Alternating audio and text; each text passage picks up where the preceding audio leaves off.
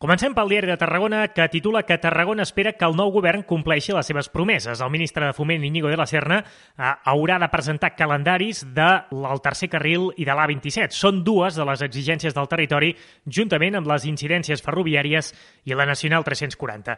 També destaca que Salou demana un nou finançament a l'Estat i que per això s'ha aliat amb Lloret, Benidorm, Calvià i Torremolinos eh, per fer un front comú.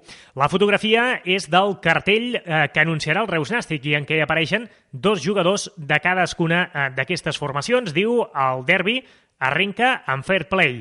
També titula que Cardenal eh, se'n va eh, carregant contra Ballesteros i aporta dades falses en un article. I també destaca que demanen a l'alcalde de Tarragona que aposti per les petites millores a la ciutat.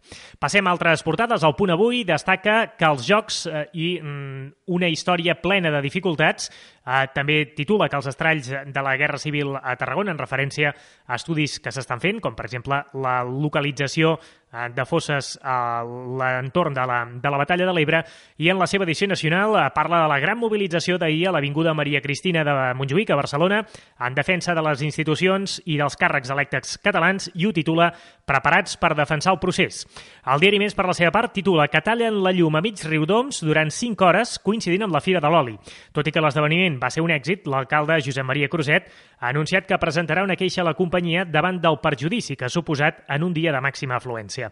I la fotografia és del 40è Cross dels Àngels, que bat rècords. Gairebé 800 persones van participar en una jornada lúdica i esportiva a la Granja, que va superar totes les previsions i en la que es van disputar diverses curses d'atletisme pels més petits.